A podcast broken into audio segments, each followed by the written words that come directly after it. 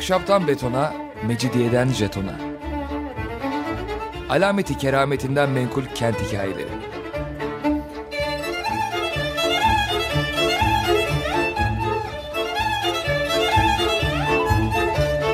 Hazırlayan ve sunan Pınar Erkan.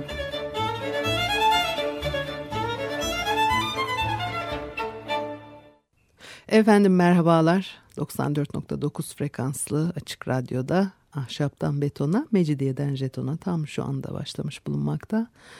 Anlatıcınız ben Pınar Erkan. Elektronik posta adresim pinarerkan.yahoo.co.uk Bakalım bugün programımızda neler var? Nüfus şehir için her zaman e, belirleyici bir unsur oldu. 16. yüzyılın sonuna kadar e, reayanın e, toprağını terk etmesi yasaktı. Nüfus artışı böylece e, denetlenebiliyordu İstanbul'da. Bu dönemde Anadolu'da e, Celali isyanları çıkıyor ve İstanbul epey bir göç almıştır.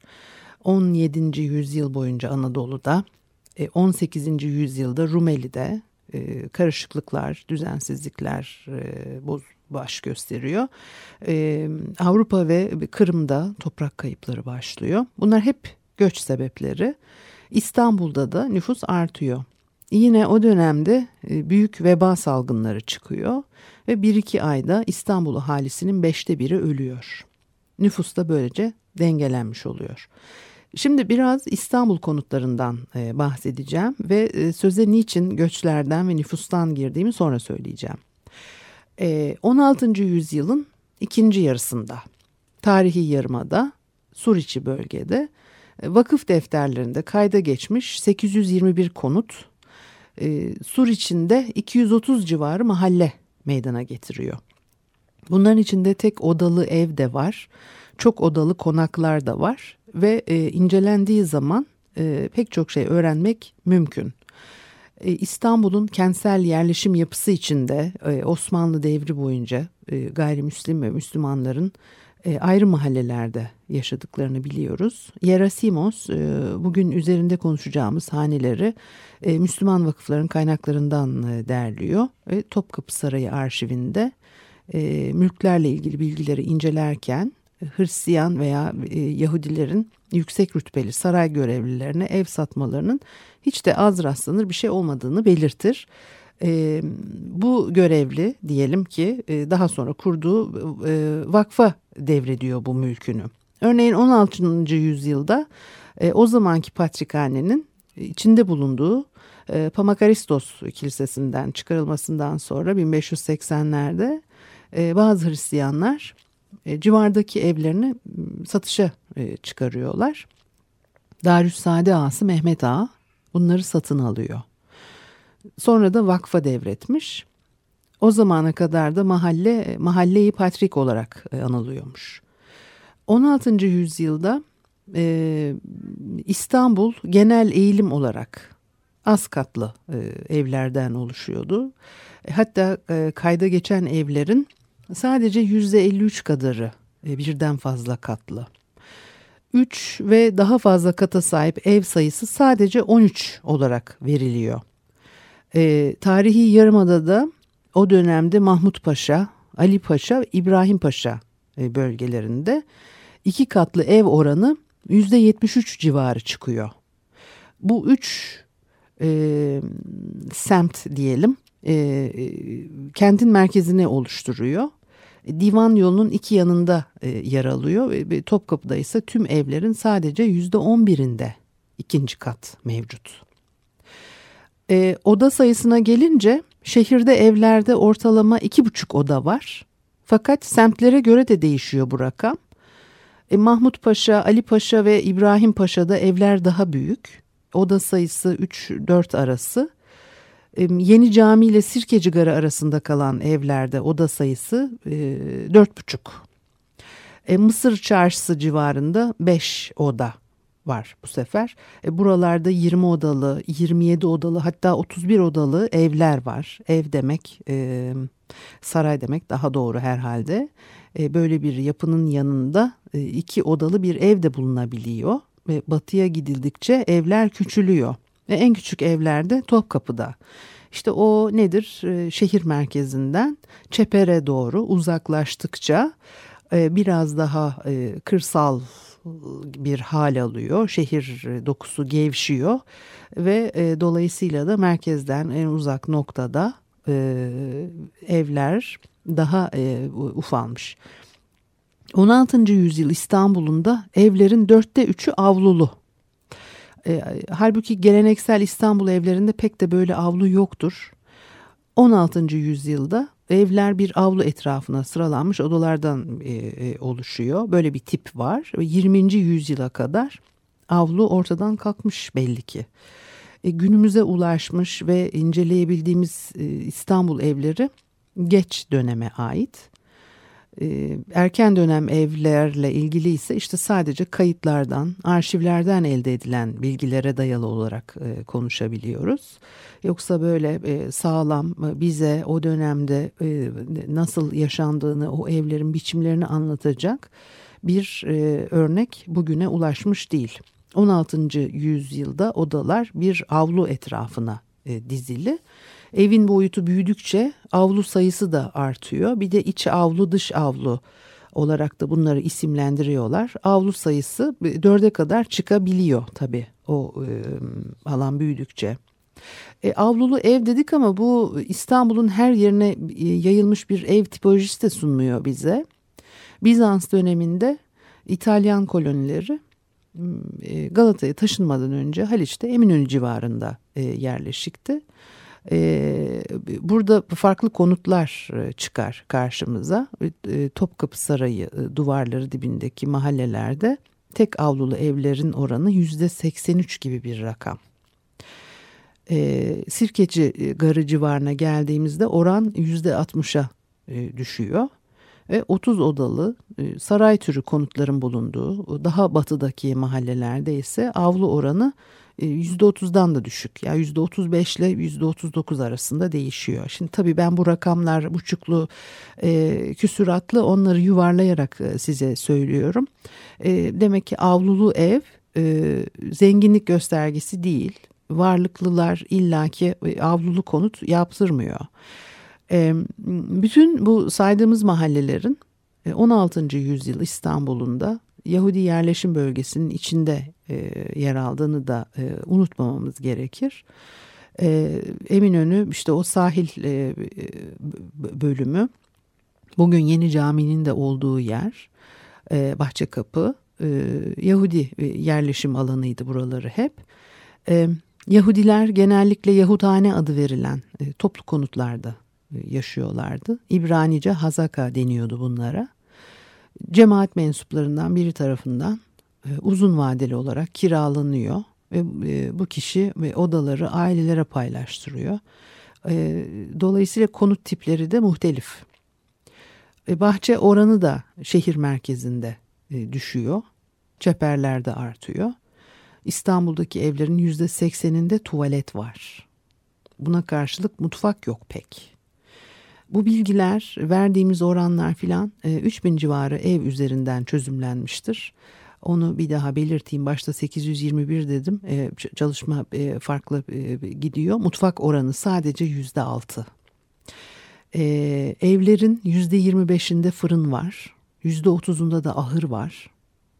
İlginç olan e, şehir merkezinden uzakta kalan, e, şehir dışı sayılabilecek Topkapı, e, Koca Mustafa Paşa'da ahır oranı sırasıyla yüzde sekiz ve yüzde on altı.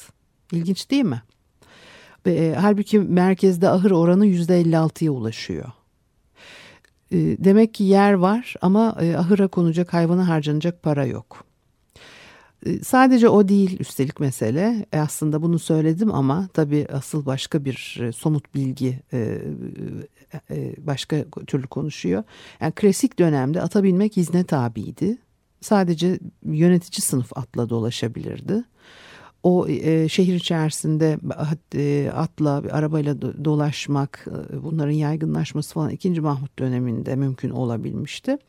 E, dolayısıyla bu e, kayıtlarda ahır olarak geçen yer belki de gerçek bir ahır değildi de e, işte keçi, tavuk, ördek, e, ne bileyim ben koyun hatta belki inek filan gibi e, hayvanları e, tuttukları e, bir ahırdı. E, e, yani orada e, hani at pahalı olmasından öteye e, şehir içerisinde pek kullanması e, mümkün değil insanların. Şimdi mutfak ve kiler de yok. 3-4 adalı evlerde bile varlığı %10'un altında.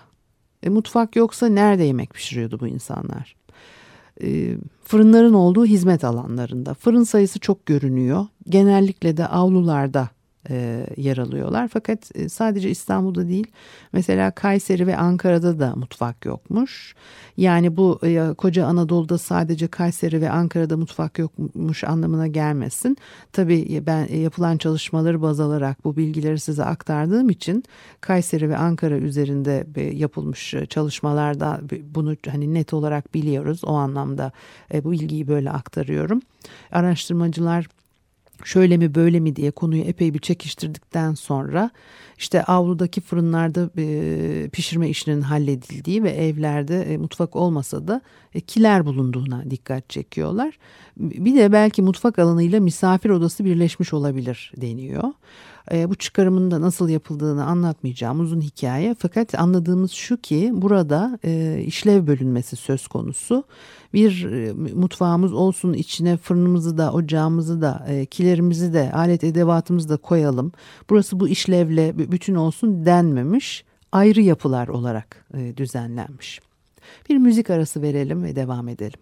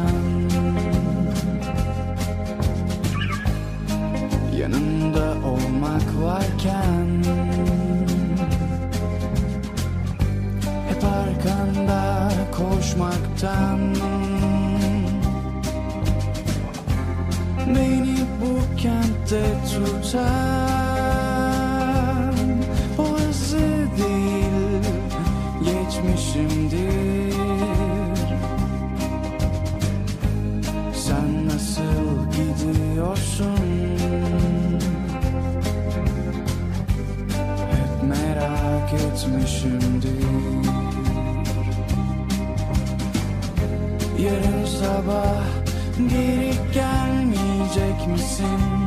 Ben mi kalkayım yoksa çayı sen demleyecek misin? Madem öyle lafı uzatmaya gerek yok Ben mi öleyim yoksa ateş edecek misin?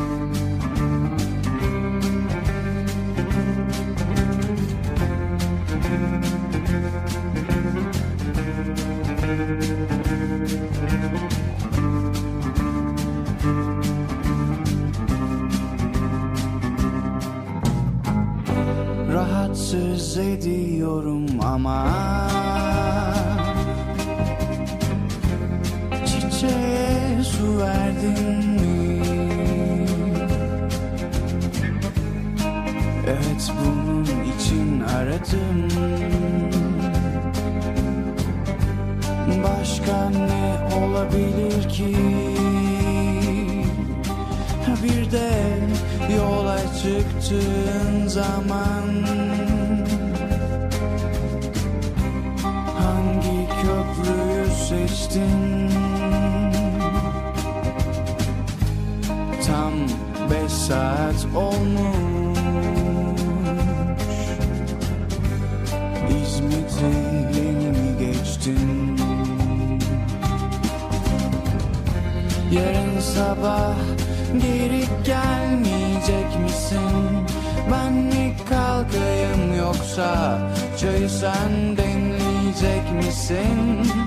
Madem öyle lafı uzatmaya gerek yok Ben mi öleyim yoksa ateş edecek misin? Yarın sabah geri gelmeyecek misin? Ben mi kalkayım yoksa çayı sen demleyecek misin? Uzatmaya gerek yok Ben mi öleyim yoksa ateş edecek misin?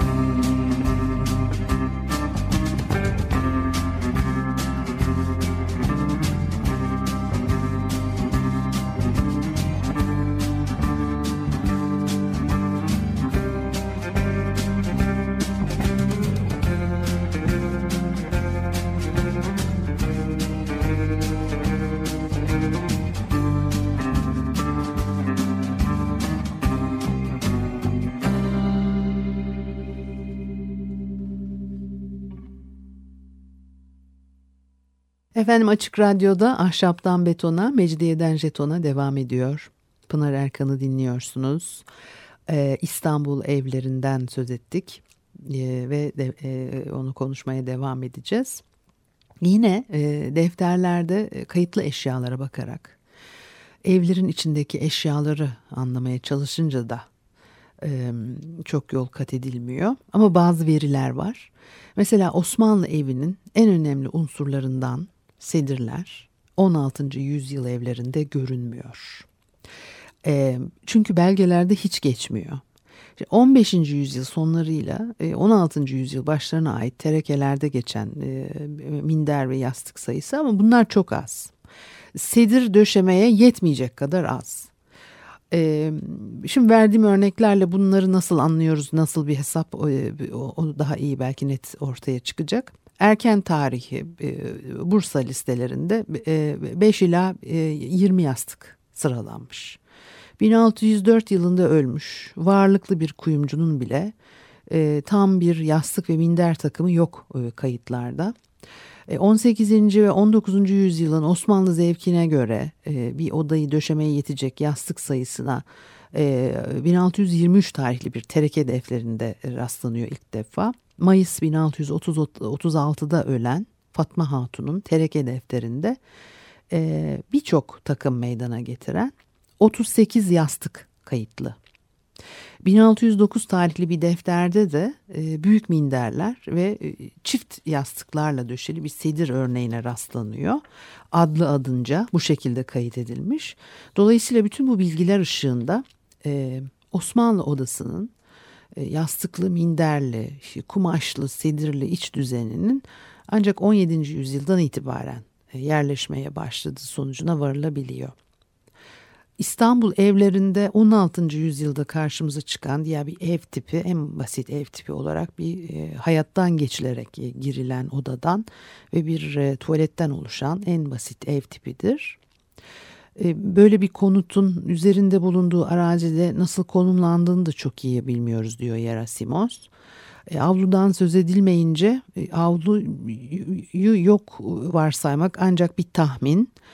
Avlu yok ama kuyu varmış mesela veya dışarıda tuvalet varmış.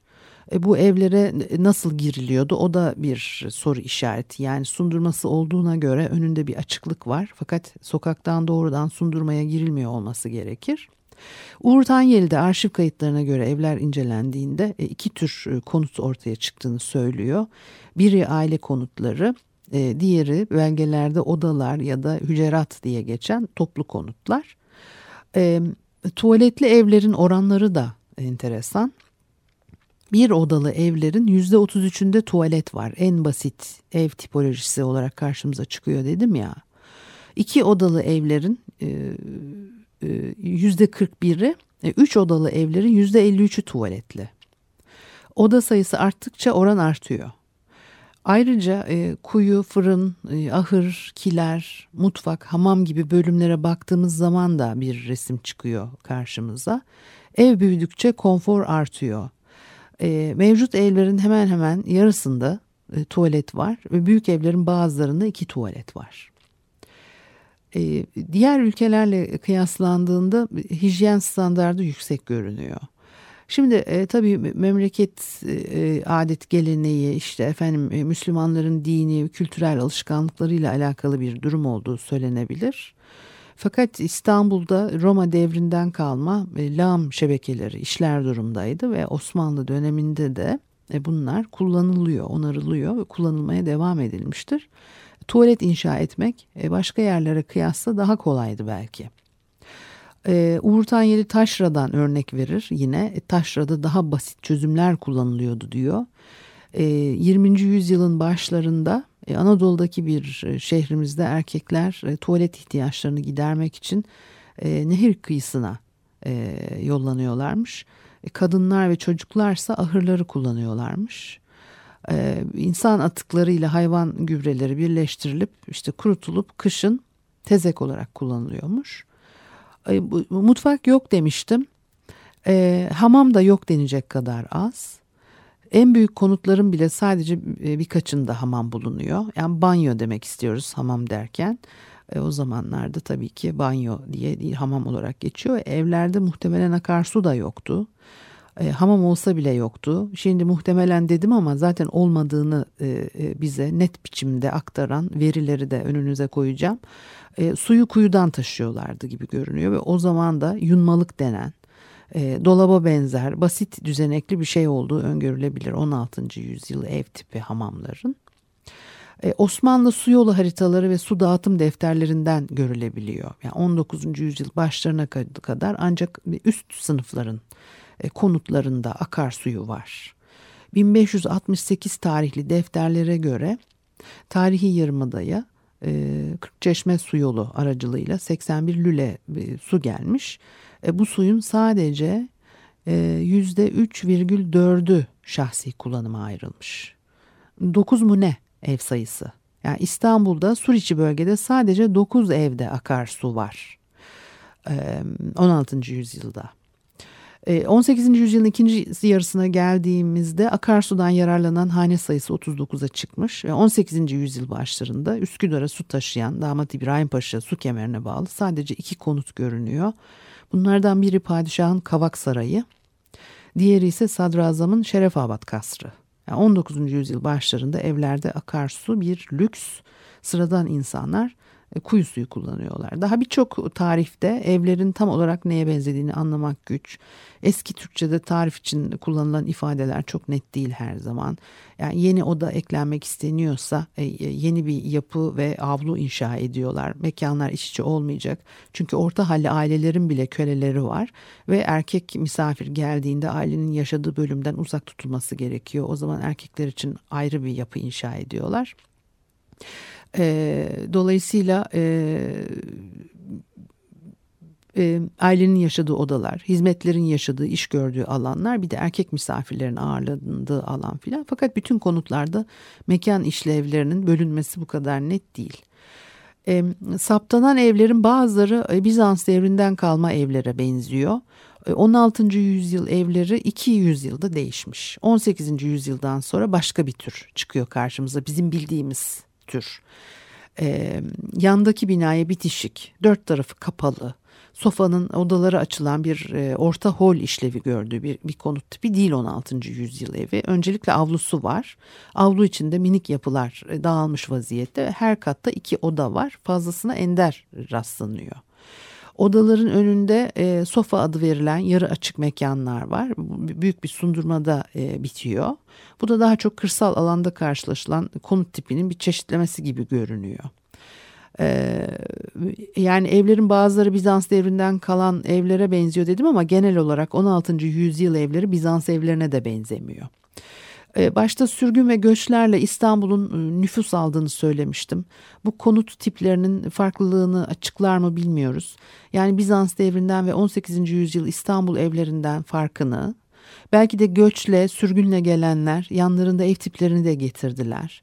E, yangın meselesine de bağlanabiliyor ahşap evler. Derme çatma olarak niteleniyor e, ve e, yangınlarla ilişkilendiriliyor. Yangın daha çok 18. yüzyıldan sonra büyük bir sorun haline gelmiştir. 1718 Büyük Cibali yangınından bir yıl sonra 1719'un e, Temmuz ayı ortalarında yazılan bir fermanda eskiden İstanbul'da yüksek duvarları, kagir odaları, e, geniş avlu ve bahçeleri olan sarayların bulunduğunu ancak son zamanlarda Neccar kalfalarının ve diğer bazı kişilerin bunları alıp yıktığını e, ve yerine tahtadan, çerden çöpten kiralık dar, bitişik odalar yaptığını ve bu değişikliğin yangınların yayılmasını etkilediğini e, anlatıyor bize. Böylece Lale Devri'nin başından e, itibaren kent içindeki büyük saray ve konakların yerlerini küçük evlere ve özellikle bekar odaları diye bilinen odalara bıraktığı aktarılır. O zengin sınıfın konutları giderek işte Haliç'in kuzeyine Boğaz'ın iki yakasına doğru kayıyor 19. E, yüzyılda. Defter kayıtlarından elde edilen somut verilere göre şehirde konutun nasıl biçimlendiğini kabaca aktarmaya çalıştım size. Ee, Osmanlı eviyle ilgili genel kabuller var. Farklılaşmamış çok işlevli odalar e, bütünü odalar bütünü olarak e, görülür diyor yine Uğur Tanyeli. Bu e, ve, ve işte Türklerin göçebe kökenine bağlanıyor bu özellikler. Halbuki bugün tek işlevli mekanlardan oluşan evlerin modern çağın ürünleri olduğu biliniyor e, ev sahibinin toplumsal konumuna ve evin nerede bulunduğuna bağlı olarak değişiklikler olur. Ama tüm modern öncesi toplumlarda mekanlar çok işlevliydi. Dolayısıyla da mekan işlevlerinin biçimlenişini ille de e, Türk geleneklerine dayandırmaya çalışmak e, çok anlamlı olmayabilir. Bugünlük de bu kadarmış. Haftaya görüşene kadar. Hoşçakalınız.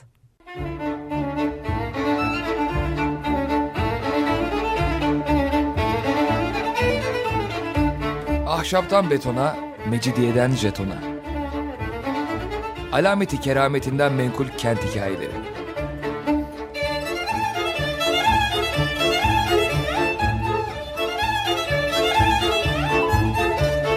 Hazırlayan ve sunan Pınar Erkan.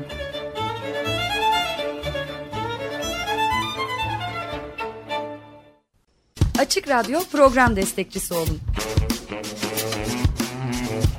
bir veya daha fazla programa destek olmak için 212 alan koduyla 343 41 41